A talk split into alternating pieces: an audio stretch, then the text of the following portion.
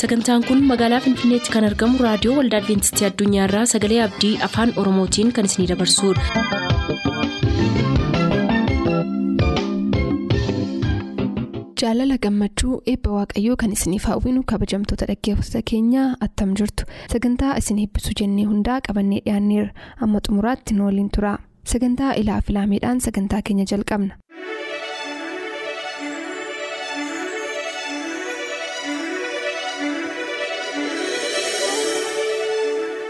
Ilaaf ilaamee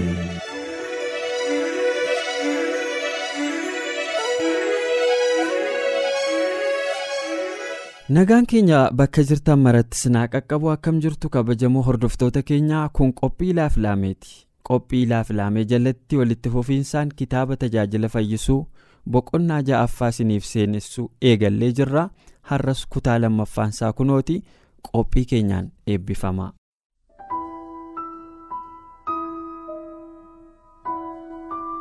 Tajaajila fayyisuu. Boqonnaa ja'a. Tajaajiluuf fayyifamuu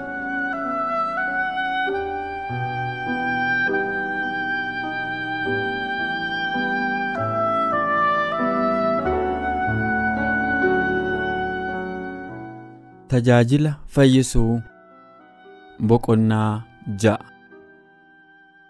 Tolaa fudhattanii tola kennaa nuun jedha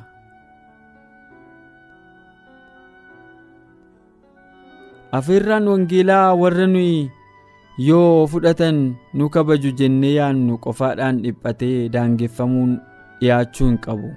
Ergaan isaa hundumaaf kennamuu qaba. Waaqayyo ijoollee isaa yeroo eebbisu isaan qofaadhaaf miti.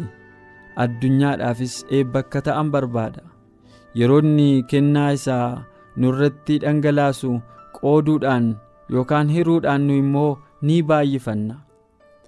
Dubartiin samaariyaa isheen burqaa yaaqoob biratti yesuusii wajjin haasofte fayyisaa erga argattee booda utuun turin kan biraa fidde. Isheen bartoota isaarra caalaa ergamtuu wangeelaa bu'a qabeettii ta'uudhaan mirkaneessite bartoonni samaariyaa keessaa dirreen jajjabinaa akka jiru hin argine. Yaanni isaanii hojii gara fuula duraatti hojjetamu irratti xiyyeeffatee ture. Naannoo isaanii makarri sassaabamuu qabu akka jiru hin argine. Garuu karaa dubartii isaan tuffatanii guutummaan magaalaa yesuusin dhaga'uuf carraa argate isheen si'a tokkotti namoota magaalaa ishee keessa jiraniif ifaa ol qabdee mul'ifte. Dubartiin kun amantii kiristoos keessaan hojiidhaan mul'atu akka bakka buututti ibsameera. Bartuun dhugaan kamillee mootummaa waaqayyoo keessatti ergamaa wangeelaa ta'ee dhalateera.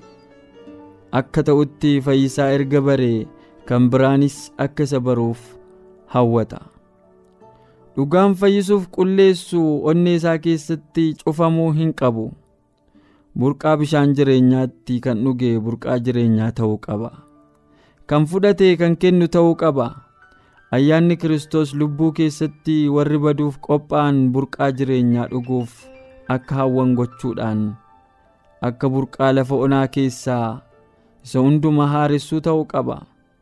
Isa mataa keenya fayyuuf hojjennu irra caalaa hojii kana hojjechuu keessatti eebba guddaa arganna. Gara fayyisaatti kan nuyi dhiyaannu oduu fayyinaa himuudhaaf hojjechuu keessatti qofa.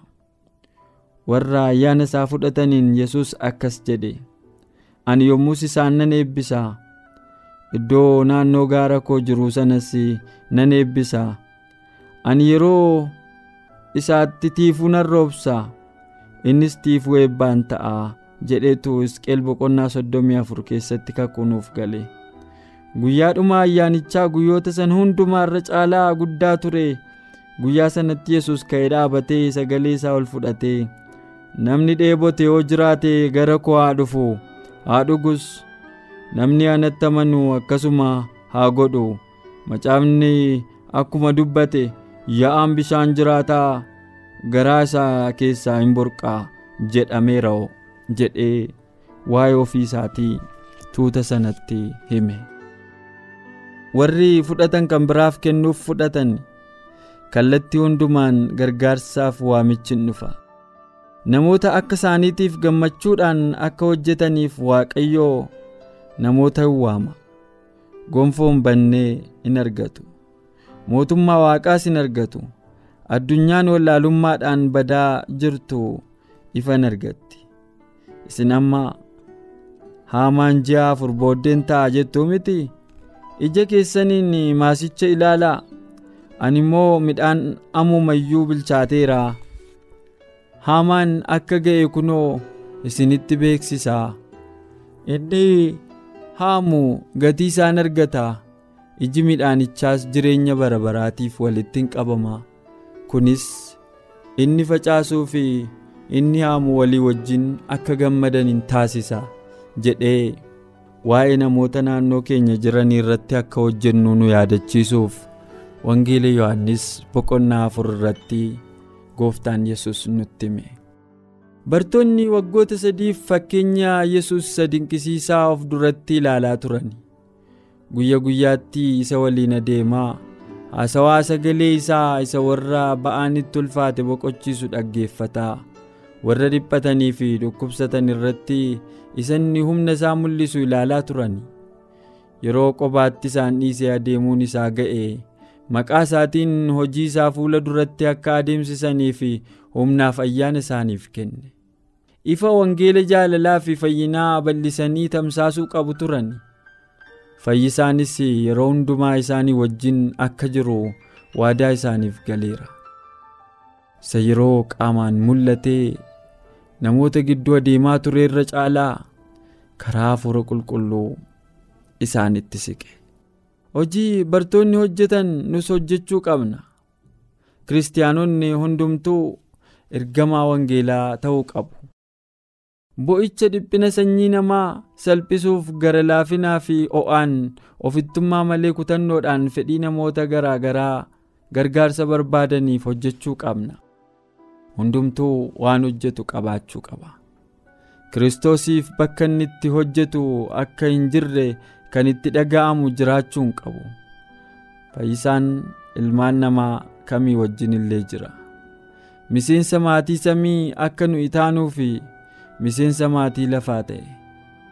Inni ilma namaati. Kanaaf ijoollee addaam dhiirotaaf durboota hundumaa fi inni obboleessa hordoftoonni isaa addunyaa naannoo isaatii badaa jiru irraa akka waa adda of baasanitti isaanitti dhaga'amuu hin qabu. Isaan qaama marsariitii namummaa isa guddaa sanaati.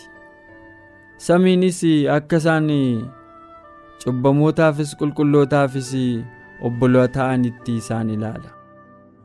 Ilmaan namootaa miliyoona kumaatamatti lakkaa'aman dhukkuba wallaalummaa cubbuu keessa jiraatu.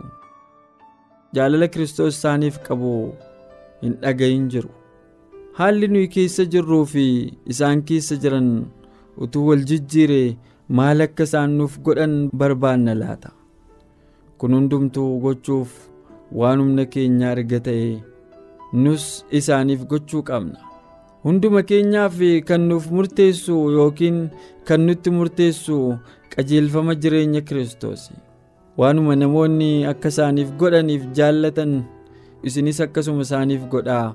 Seerriif raajonni isaanuma kana barsiisu jedhee gooftaan yesus wanta namni akka nuuf godhu feenu nus namoota biraaf akka goonu nu barsiise.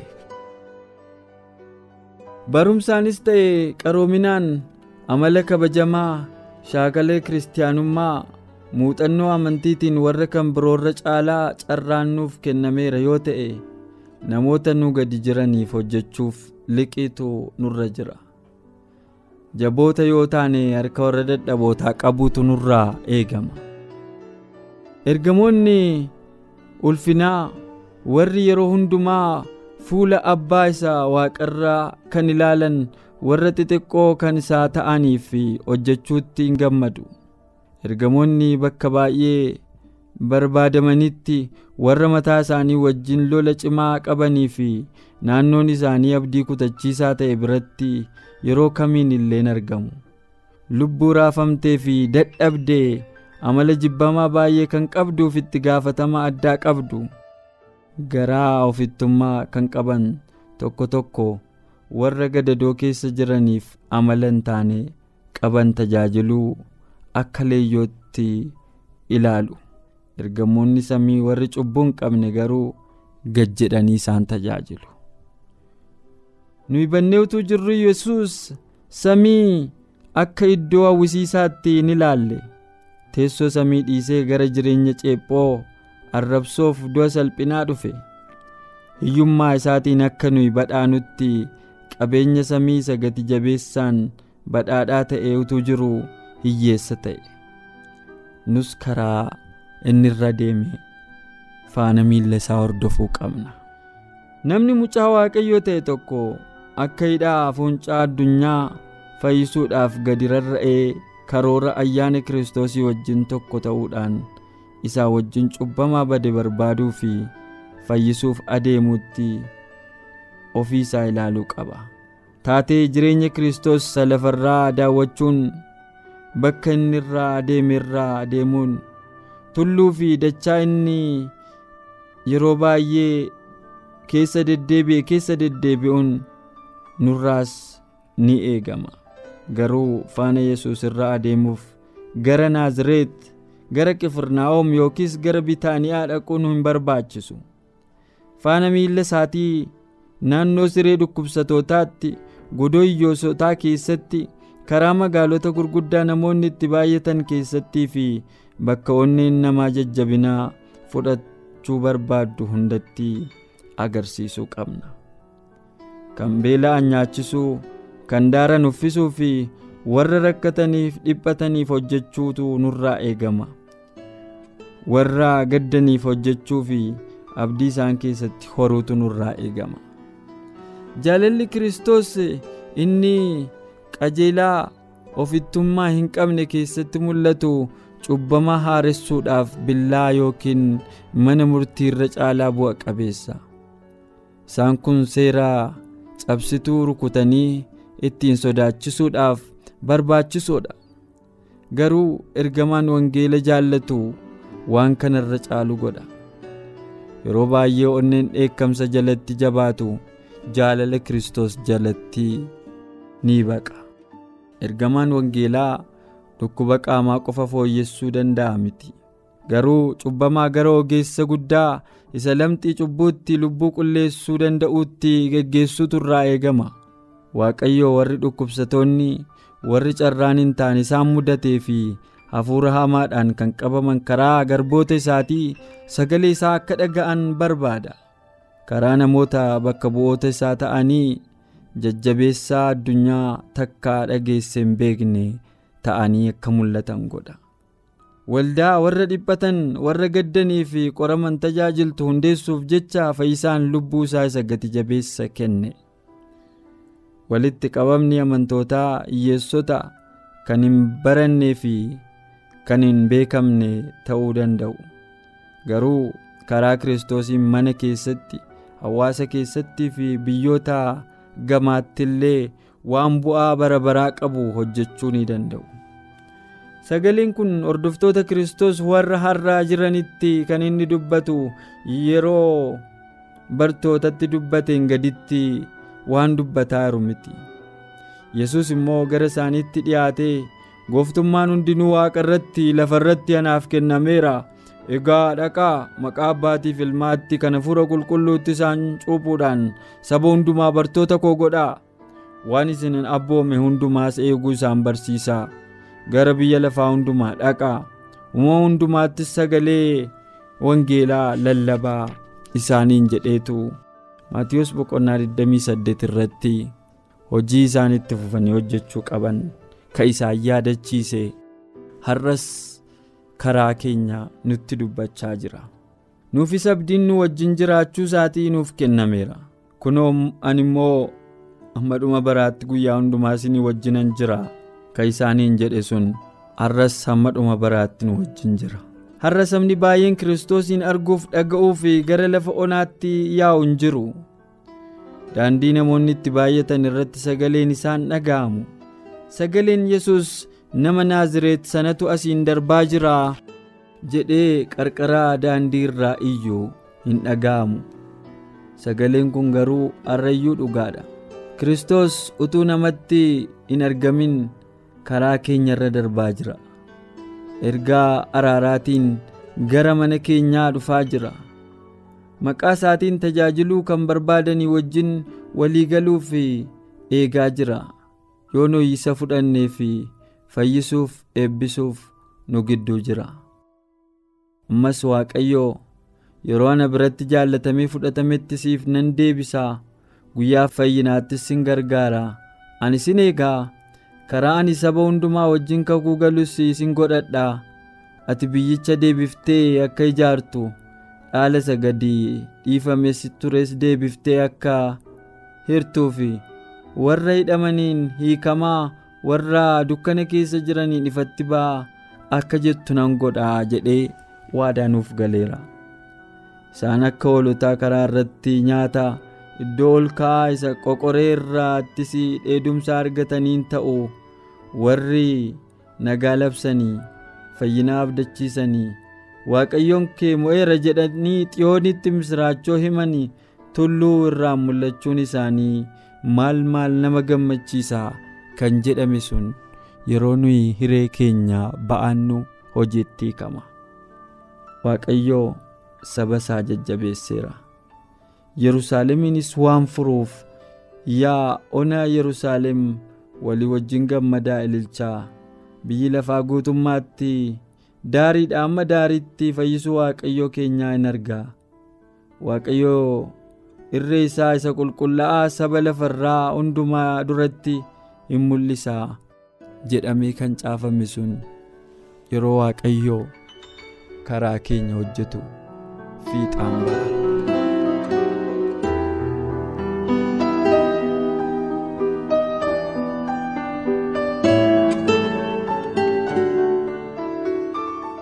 Jaallatamoo dhaggeeffatoota keenyaa seenessa keenya kana keessatti akkamitti waaqayyo seenaa dubartii cubbamtuu kana haaressuudhaan hojii isaatiif akka dhimmatti ba'e nuunis haaluma wal fakkaatuun akka nu waamicha nuuf godhe barumsa guddaaf abdii guddaa irraa argattaniittu jedheen abdii qaba ka'arraaf jenne asirratti goolamne irraa ka ittaanu seenessa keenya ittaanuun isiniif qabanne dhiyaanna nagaan nuuf tura.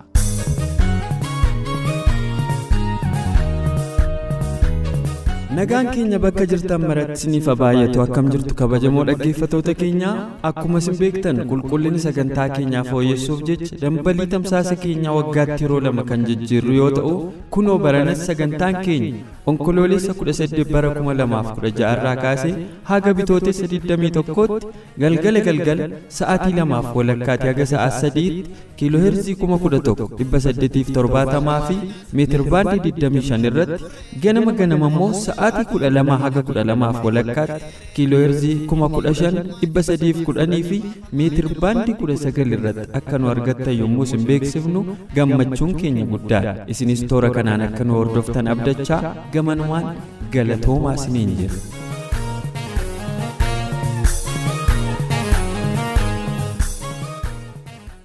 kan turtanii raadiyoo keessan banattaniif kun raadiyoo waldaa adibeentistii addunyaadha sagalee abdii.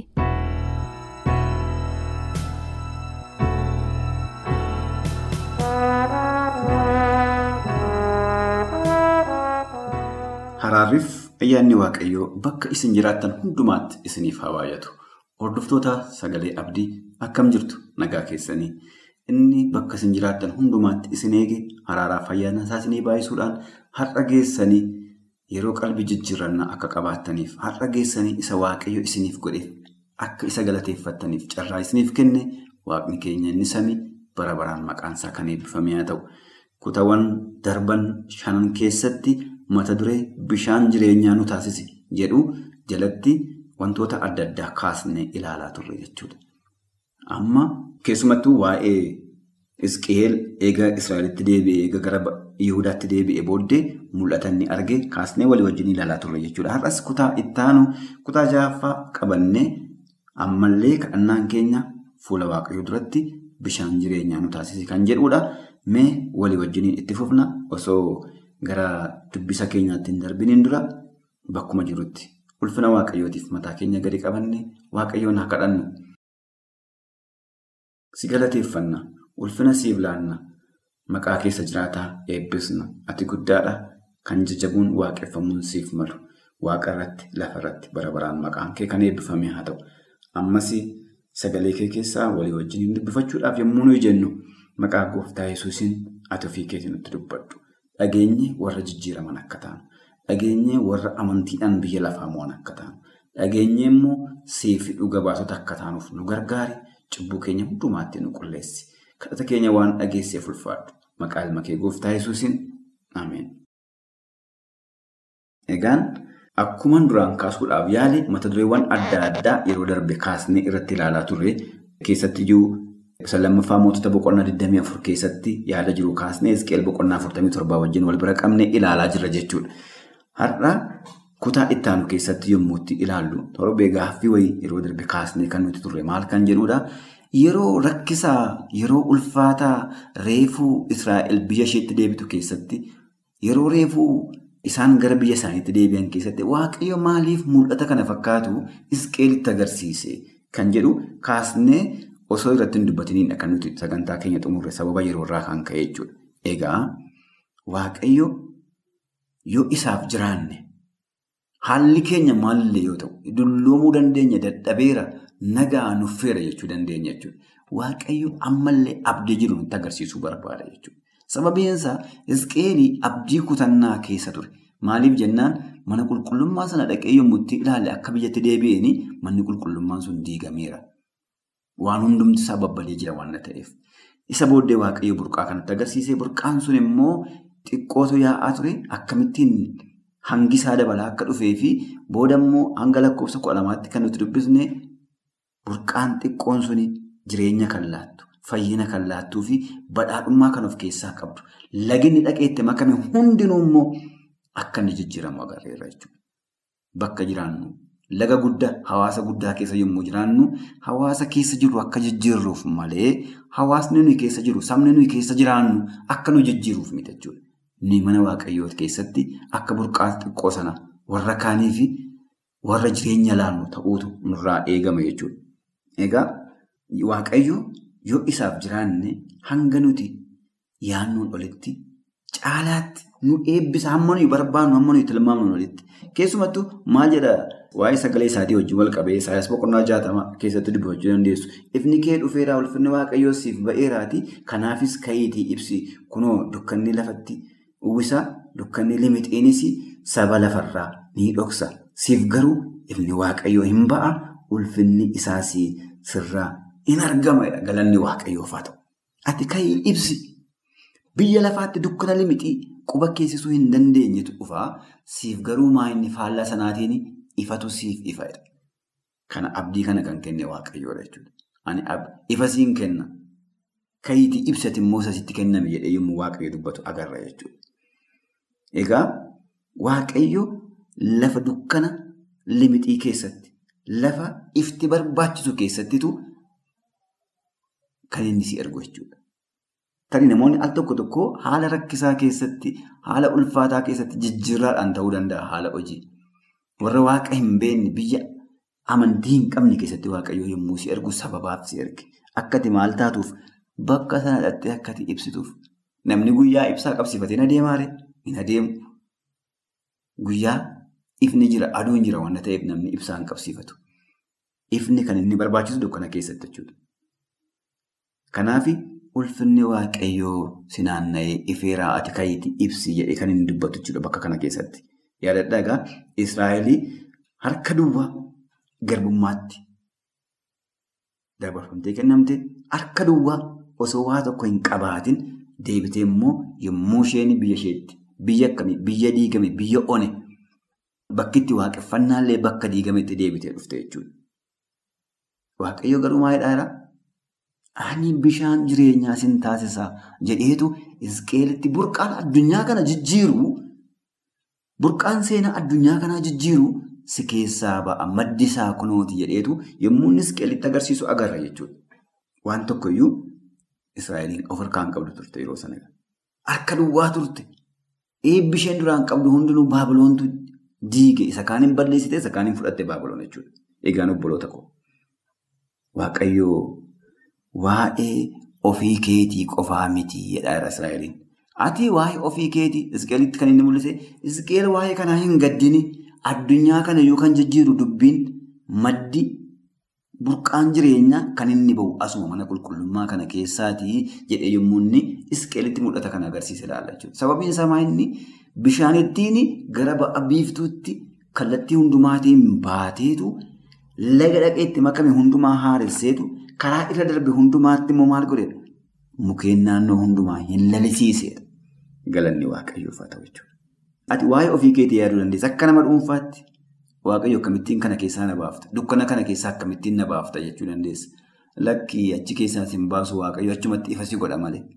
Akkati ifa taatuuf bakka sana si kaa'e malee. Atoo ifa. Atoo kan itti dhugaa jirtu, kan itti nyaachaa jirtu, kan itti soorachaa jirtu burqaa jireenyaa sanarraati.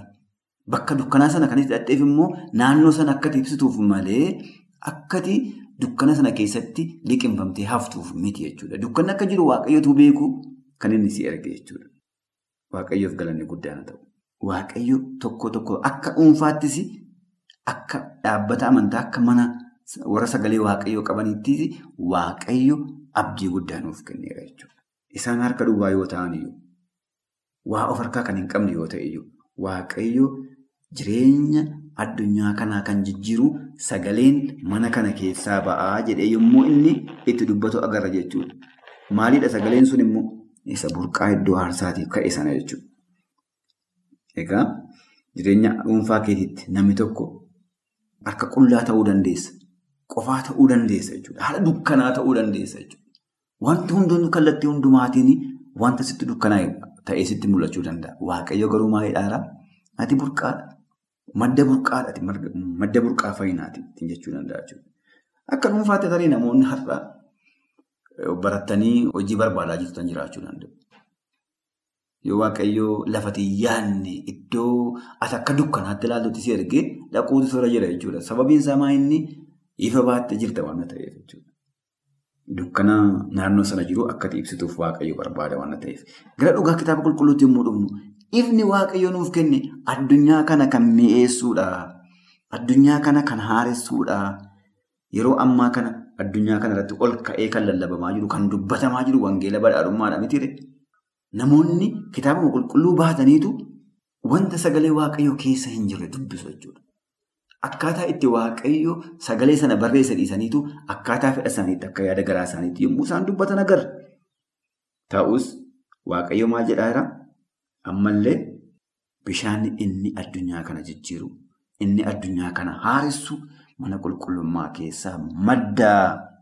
Kanaaf achuma mana qulqullummaa sana keessa ture sagaleema sanaan jijjiiramii kan jedhudha jechuudha. Kanaaf waaqayyo mul'ata akkasii iskeelitti agarsiisa jechuudha.